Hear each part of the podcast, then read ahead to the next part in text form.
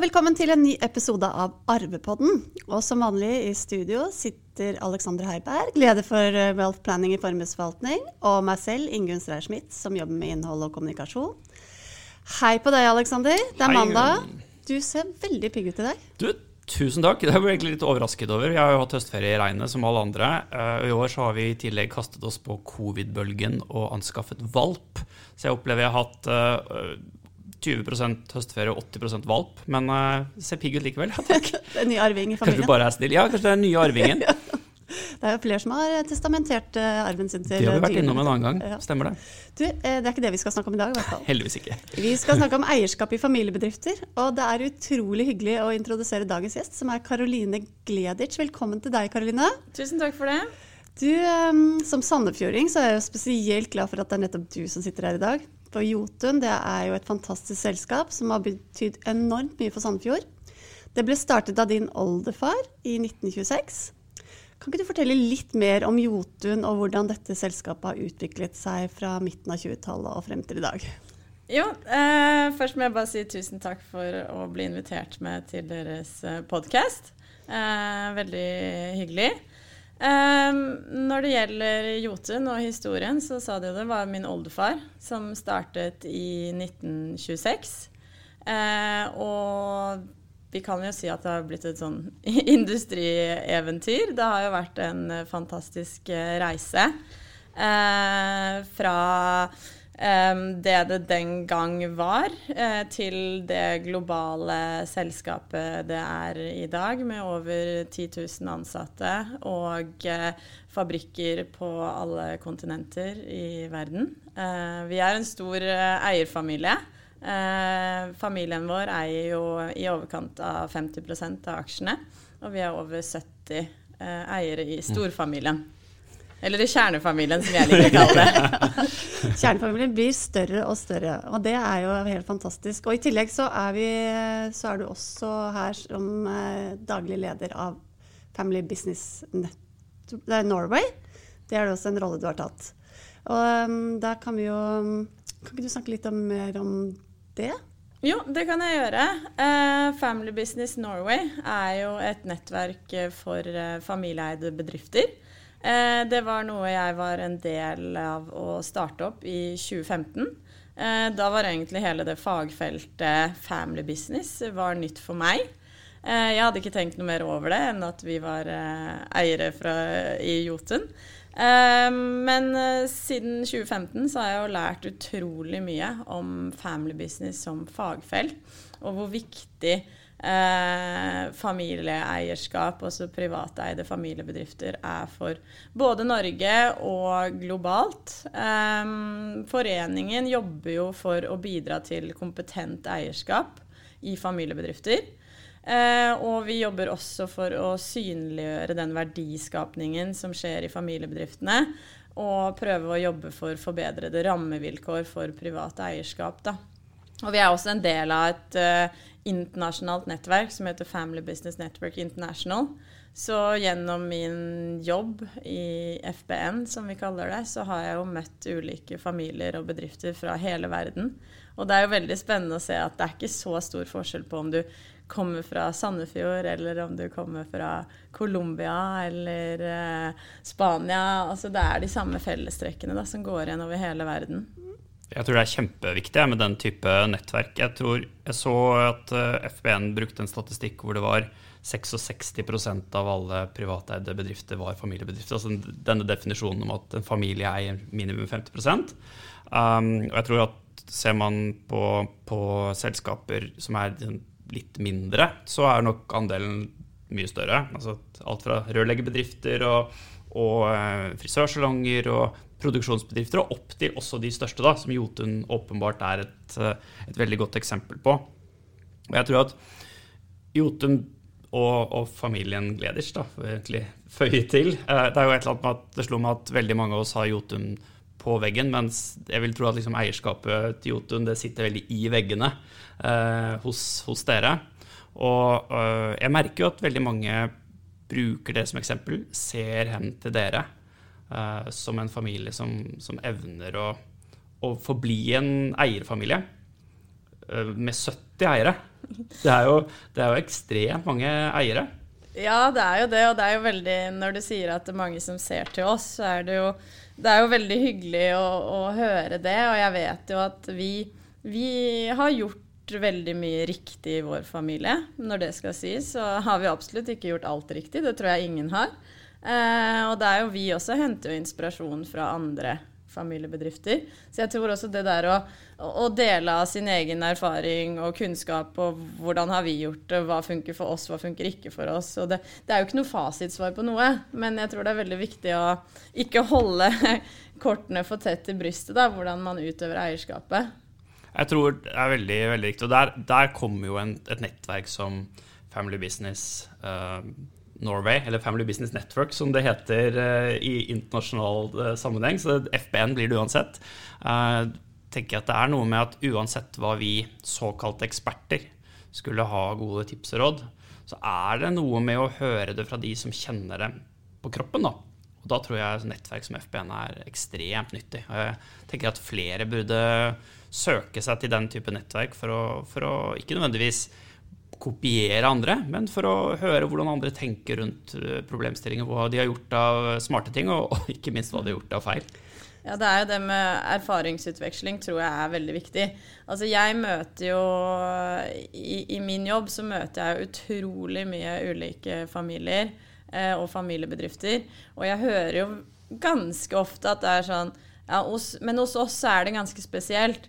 Hos oss er det Der er det Jeg tror ikke det er sånn hos andre. Og så er det sånn Jo, men vet du hva, det er faktisk sånn hos akkurat alle andre også. Det er nesten litt sånn skuffet, merker jeg at folk blir. Du skjønner at dette her er et problemstilling som alle sliter med. Hva? Ja, men var ikke vi litt spesielle? Kanskje, kanskje andre områder å være spesielle på enn når det kommer til hvordan man tenker ut eierskap. Mm. Men du, hva er egentlig the secret sauce eh, i Gleders-familien for å beholde eierskapet sammen? Nå gikk vi liksom rett i kjernen. Ja, nå går jeg rett på kjernen. Altså, jeg ble veldig nysgjerrig på det. du klarte ikke å vente med den. Eh, nei, jeg har jo reflektert ganske mye over det. Eh, og jeg vil jo si kanskje det aller sterkeste, hvis du skal si det som the secret sauce hos oss, er det samholdet vi har i familien. Eh, vi er jo, som ble nevnt tidligere, over 70 eiere. Uh, og når jeg sa storfamilien, som jeg kaller kjernefamilien, og det, det, er det som går på det samholdet. Altså Vi er uh, en så stor familie, og vi har et så nært forhold til hverandre og er gode venner. Og det er som pappa sier, at når han vokste opp, så var fetterne og kusinene hans var som søsken. Og jeg vil jo si at det gjelder for meg også, og at mine tremenninger er som fetter og kusiner, da.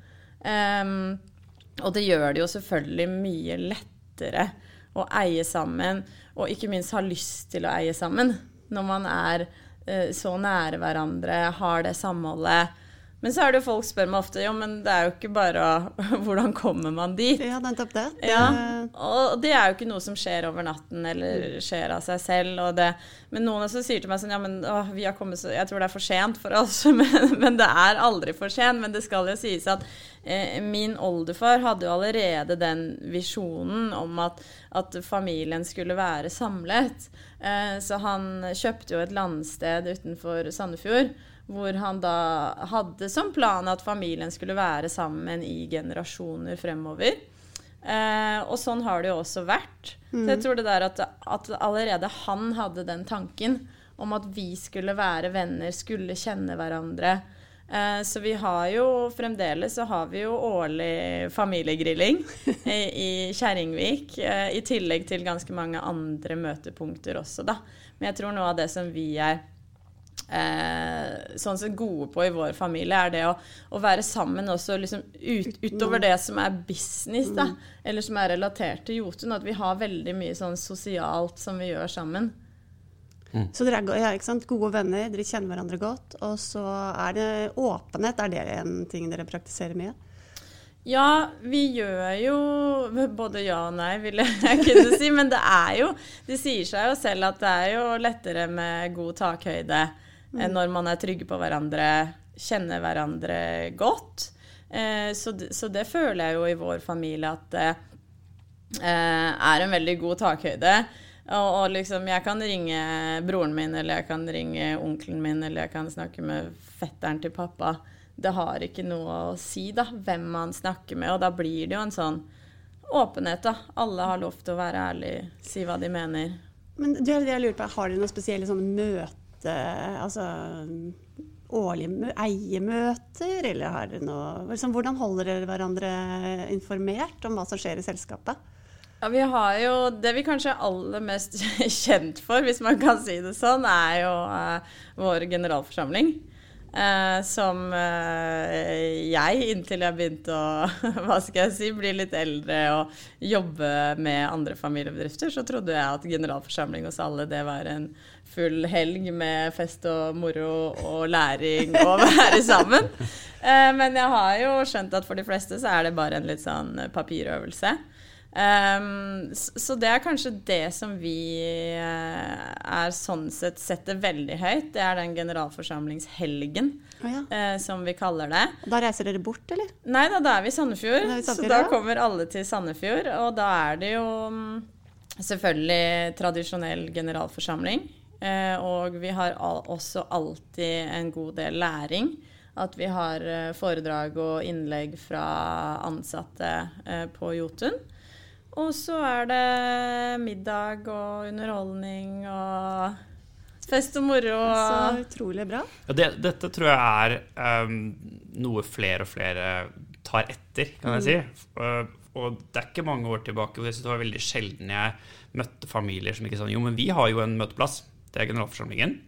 Men det er kun den du har kalt det, tradisjonelle generalforsamlingen, eller liksom aksjelovens, hvor er, vi går gjennom regnskap og årsberetning. og Veldig formelt. Det, ja, det er jo ikke sånn For det første er det veldig bakoverskuende, stort sett. Hva har skjedd siste år i tall, og, øh, og det, det, blir ikke noe sånn veldig lett for en, for en ny aksjonær, en ny, særlig neste generasjon, å komme inn og liksom skjønne at hva, hva innebærer dette da, for oss som eiere.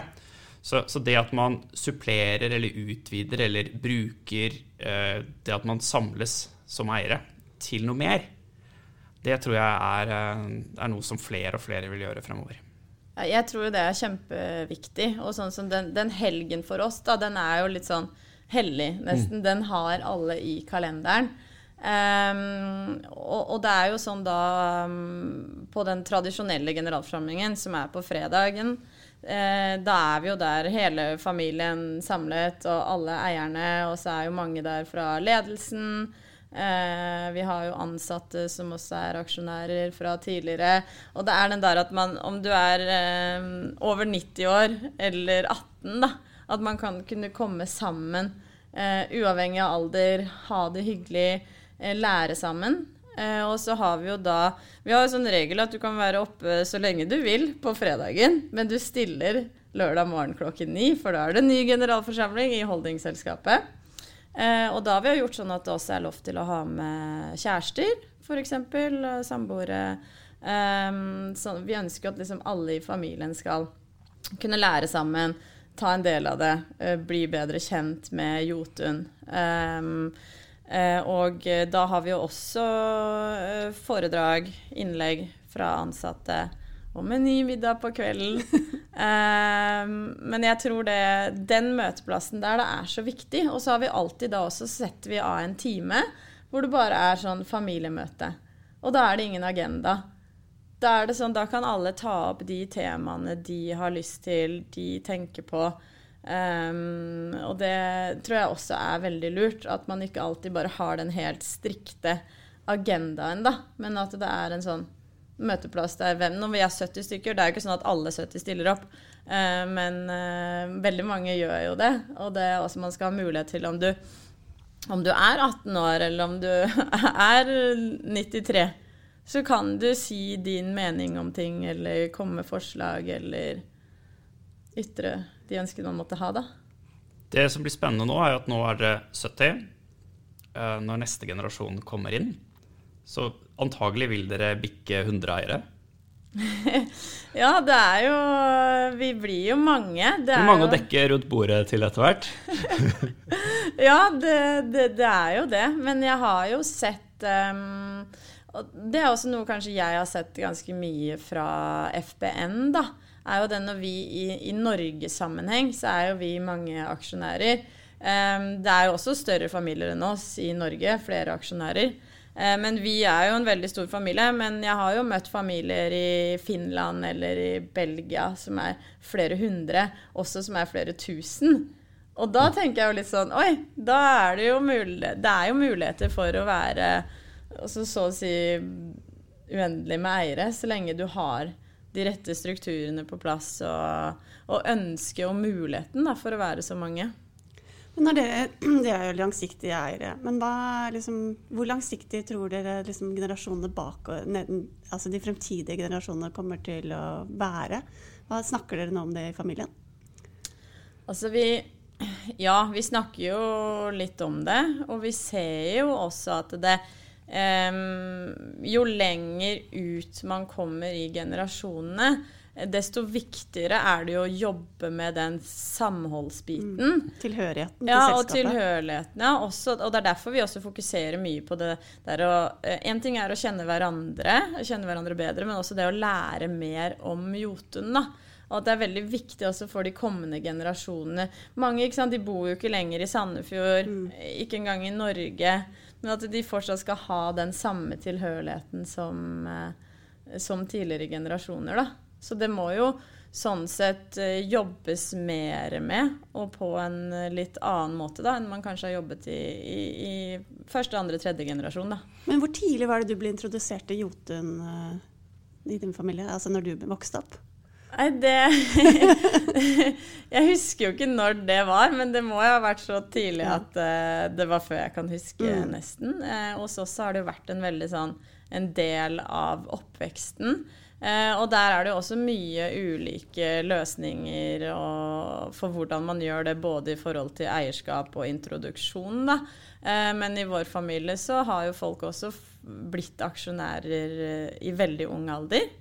Um, og det har jo i seg selv Det har jo ikke vært en um, hva skal jeg si, en eier som at du har en betydelig verdi, eller at eierskapet eh, har sånn sett formelt noe å si, men det er den å bare ha den Føle at man er en del av noe, da. Mm. Uh, så det var veldig tidlig at du liksom fikk en aksje, eller jeg husker ikke om jeg fikk liksom, kanskje ti aksjer, da. Um, så det var bare noe man hadde helt tidlig. Du visste at du var en del av det. Eh, og så er det jeg er oppvokst i Sandefjord også, da, og det er jo sånn som du også sier, Ingunn, at er, i Sandefjord så er jo Jotun veldig tydelig. Eh, men vi har jo mange i familien også som ikke bor i Sandefjord. Eh, og en hel familiegren nesten som bor i Sverige. Eh, men de også er jo gjennom de der årlige møteplassene vi har, det med at man på sommeren så er alle i Sandefjord at vi har gjort da veldig mye den At folk har tidlig da blitt introdusert til Jotun. Og så er det jo selvfølgelig også litt lettere når altså, Vi selger maling, da. Det er et produkt som alle kan relatere seg til. da. Selv små barn skjønner jo hva maling er. Mm. Jeg skjønner, Det er jo veldig mange andre ulike bedrifter som har en mye mer komplisert uh, produkt. produkt ja. ja. Mm, produkter, eller om det er et investeringsselskap og en portefølje. Det er jo mye vanskeligere å forklare det, eller kanskje få en sånn eierskap og nærhet til det. da. Men maling og den pingvinen, den uh, den uh, lærte man seg tidlig.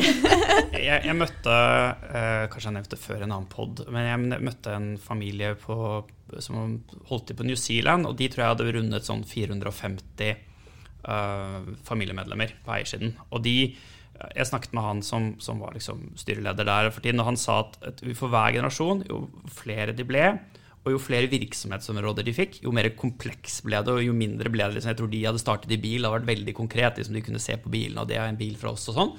Uh, jo mer måtte de aktivt jobbe med å informere eierne. Så de hadde gått over til å ha et nyhetsbrev én gang i uken som prøvde liksom å ta for seg noen temaer som gikk for de, de skulle nå ut til alle disse 450, men stadig mer komplisert. Og de bodde også rundt i hele verden. og sånn. Så, så, jeg tror liksom den bevisstheten Men altså, de hadde startet det ganske tidlig, for de merket når de gikk fra sånn 3, 4, 5 Og da begynte det å bli noen generasjoner tilbake. Men, men når det liksom begynte å bli sånn 10-20, så kom dette sånn gradvis. Mm. Så han sa at de, de, var veldig glad for at de hadde begynt ganske tidlig egentlig å tenke på dette. Hvordan informere med hva vi driver med, og ikke minst da. De hadde også ganske stor finansforvaltning, som blir et litt sånt ubestemmelig uh, ting, som man ikke får helt liksom, det samme konkrete taket på som man gjør med mer industrivirksomhet. da. Men du, er tilbake til Family Business Norway. Er det noe, altså gjennom din rolle der, er det noe du har eh, fanget opp der som har vært nytte for deg som eier av Jotun? Eh, ja, det er det jo absolutt. absolutt så er det det. Det har jo på en måte både gitt meg en bekreftelse på at vi har gjort mye riktig i vår familie, mm. og samtidig så blir det jo sånn at man aner en sånn viss bekymring fordi man ser så mange andre familier som som har så utrolig mye formaliteter og strukturer på plass. Og de er Kanskje de bare er tre eiere, da, men de er på en måte rigget for å bli 300. Og mm. da blir man jo litt sånn stresset, uh, har jeg kjent på noen ganger. da, Sånn Oi, men vi har jo ikke det her, og vi har jo ikke det her. Men så er det jo Samtidig så det hjelper jo heller ikke om du har alle disse formalitetene eller strukturene på plass, hvis ikke du klarer å gjennomføre det, eller hvis ikke man uh, har lyst til å eie sammen, ja. eller har den Viljen til å gjøre ja. ja. det er ikke sikkert du mener det som står i de formelle dokumentene engang. fordi at det er egentlig det er en advokat som har skrevet de. Det er ikke noe som, som familien ville valgt å følge hvis det faktisk dro seg til en gang. Så ja, det der tror jeg er helt enig i. Jeg, jeg skal jo slå et slag for å liksom, tenke formaliteter òg. Men jeg tror ikke man bare skal gjøre det. Nei, jeg er helt enig, og det skal absolutt sies at vi har jo mye formaliteter på plass. Det vil jeg tro med, med, en far som er eh, advokat, så Ja, det er onkelen min som er advokat, som er advokat. Men det er flere advokater i familien også, mm. og det sier seg selv når man er mange, så er det veldig viktig å ha, ha formelle strukturer og avtaler på plass. Som også igjen kanskje gir en enda større trygghet til eierskapet, da sånn gjennom vår aksjonæravtale så vet vi også Det er jo en forutsigbarhet, ikke sant? Vi vet jo hvordan andre eierne eh, forholder seg til det, og vi vet jo hvordan ting vil se ut fremover. Eh, vi vet at vi har en mulighet for å selge oss ut. Hvis, hvis, jeg ikke ønsker å være en aksjonær, så kan jeg selge meg ut. Eh, det er den der å bare ha den der litt sånn tryggheten i bånn, da. Men så er det jo som du også sier, Alexander, at det hjelper jo ikke å, det hjelper jo ikke å ha alle mulige formaliteter på plass hvis man ikke eh, ønsker å ha det eller ønsker å forholde seg til det. Men eh, litt sånn tilbake til det du spurte om i stad, så har, ser jeg jo det at gjennom Family Business Norway, også Family Business Network generelt, så får man jo utrolig mye inspirasjon. Og man får kanskje nye ideer da, til sånn at man kan plukke opp. Så er sånn Oi, kanskje det her kunne vært noe vi kunne vurdert i vår familie. Eller kanskje vi kan gjøre det her på en bedre måte. Um, sånne type ting. har Veldig mye inspirasjon. Det føler jeg at jeg har fått. Og så er det jo litt den, selvfølgelig, da, når vi er over 70 eier, å bringe den inspirasjonen videre er jo ikke alltid like lett heller, da. Men jeg tror denne, denne grunntanken som dere har om at, at, man er på en måte en fullverdig eier Jeg syns veldig mange familier diskuterer sånne brøker. Altså, for det er jo aksjelovens struktur. Hvor mange, mange aksjer har du, hvor mange prosent eier du av selskapet. Men, men jeg opplever at dere er man eier, så er man eier. Og man får være med på de foraene og får være med og, og utvikle både selskapet og seg som eier. Ja, det er veldig riktig. Vi har jo hos oss så har vi jo alltid Nå kan jeg selvfølgelig bare snakke for meg selv, men jeg har jo alltid bare sett på oss som én eier i storfamilien. Og så vi er jo fire grener sånn sett. Eh, men vi ser på oss selv som én samlet eier. Og det er litt sånn om du har én aksje, eller om du har 10 000 aksjer, da, så er det ikke noe forskjell, egentlig. Man er likeverdige, og man er den felles eieren. Så jeg, jeg er enig i det der hvis folk Og jeg skjønner jo at det ser Det er jo ingen familiebedrifter som er like. Eh, og ting ser forskjellig ut uh, ulike steder, men, men i hvert fall noe som er veldig positivt, syns jeg også, også, at vi har den Vi ser på oss selv som en sånn Alle er likeverdige eiere, da. Men du, eh, tilbake til Family Business Norway. Jeg ble litt sånn nysgjerrig på det. Hvor mange mm, bedrifter er det som er medlem der? Eh, der er vi nå per i dag 123 medlemsbedrifter. Eh, så der er det jo sånn at det er bedriften som er medlem, da, uavhengig av hvor mange eiere som er eh, tilknyttet bedriften. Mm. Så du kan jo ha sånn som hos oss, da, hvor vi er over 70. Eller hos noen andre hvor de er kanskje to eller tre. Det er jo en overvekt av de som er fem eiere eller færre. Fordi det er jo en mer vanlig eierstruktur. Mm. Men så har vi også noen som det er over 200 eiere. Og, uh, hvor ofte er, møter dere, eller liksom, kan hvem som helst bli medlem der? Hvis du har en familie, jeg, altså ikke jeg da som ikke har noen bedrift, men jeg, det skjønner jeg, men uh, hva er liksom kriteriene for å bli medlem der? Ja, nei, det er jo Foreningen er jo åpen for alle familieeide bedrifter mm. i Norge, uavhengig av størrelse, bransje, hvilken rolle man selv eller utøver i, i bedriften. Eh, vi har jo noen sånne bør-kriterier, men det er jo mest for å bare sikre at, eh, at de som melder seg inn, er familieeide bedrifter. Da. Så hovedintensjonen må være at du har en bedrift som du ønsker å videreføre til neste generasjon. For jeg tenker Hvis ikke det er intensjonen, så har du kanskje ikke så mye nytte av nettverket heller. Nei, ikke sant. Og vi har jo Årlig så har vi jo rundt 30 arrangementer. Så det er jo veldig mye aktivitet. Eh, både har vært veldig mye digitalt da, nå det siste halvannet året. Så det har jo vært veldig hyggelig å kunne møtes igjen eh, face to face, som vi har begynt med nå i, i høst. Men vi har jo alt fra små eh, møteplasser til større møteplasser. Men med den verdiskapningen som har skjedd i Norge de siste årene, i hvert fall jeg har inntrykk av at det skapes veldig mange bedrifter. Merker dere større pågang fra inn mot nettverket deres? Det er flere som ønsker å bli medlem? Um, ja, altså vi har jo, Nå har vi jo holdt på siden 2015. Og vi har jo egentlig sett en sånn gradvis vekst eh, hele veien.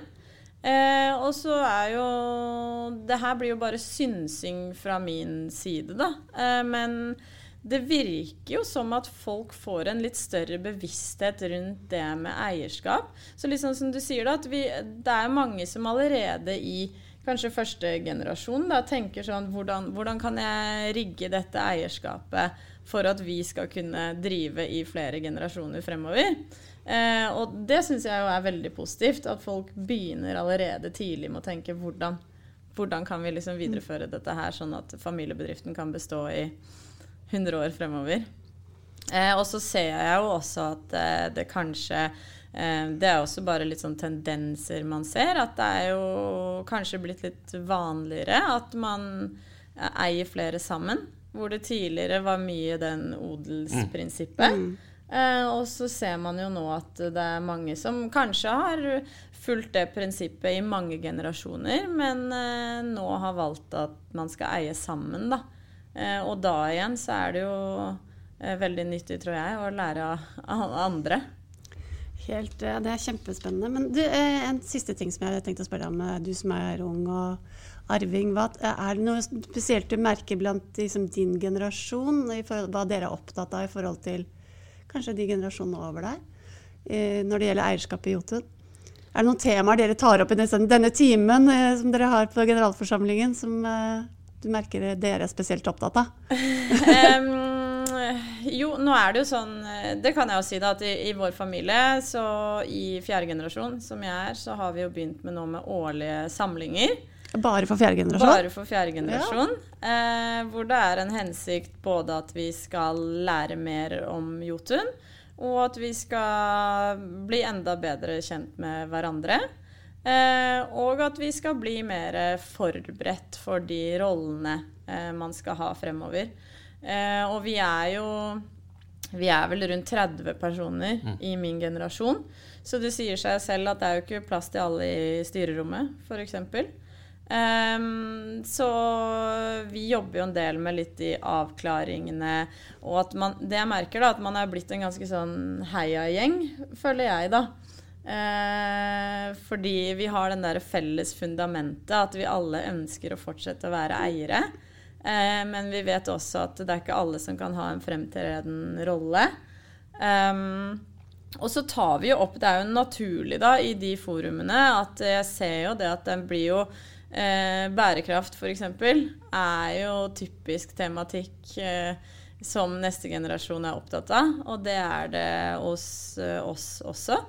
Um, og, og, Jotun gjør jo veldig mye spennende innenfor det feltet, men vi snakker ikke så høyt om det.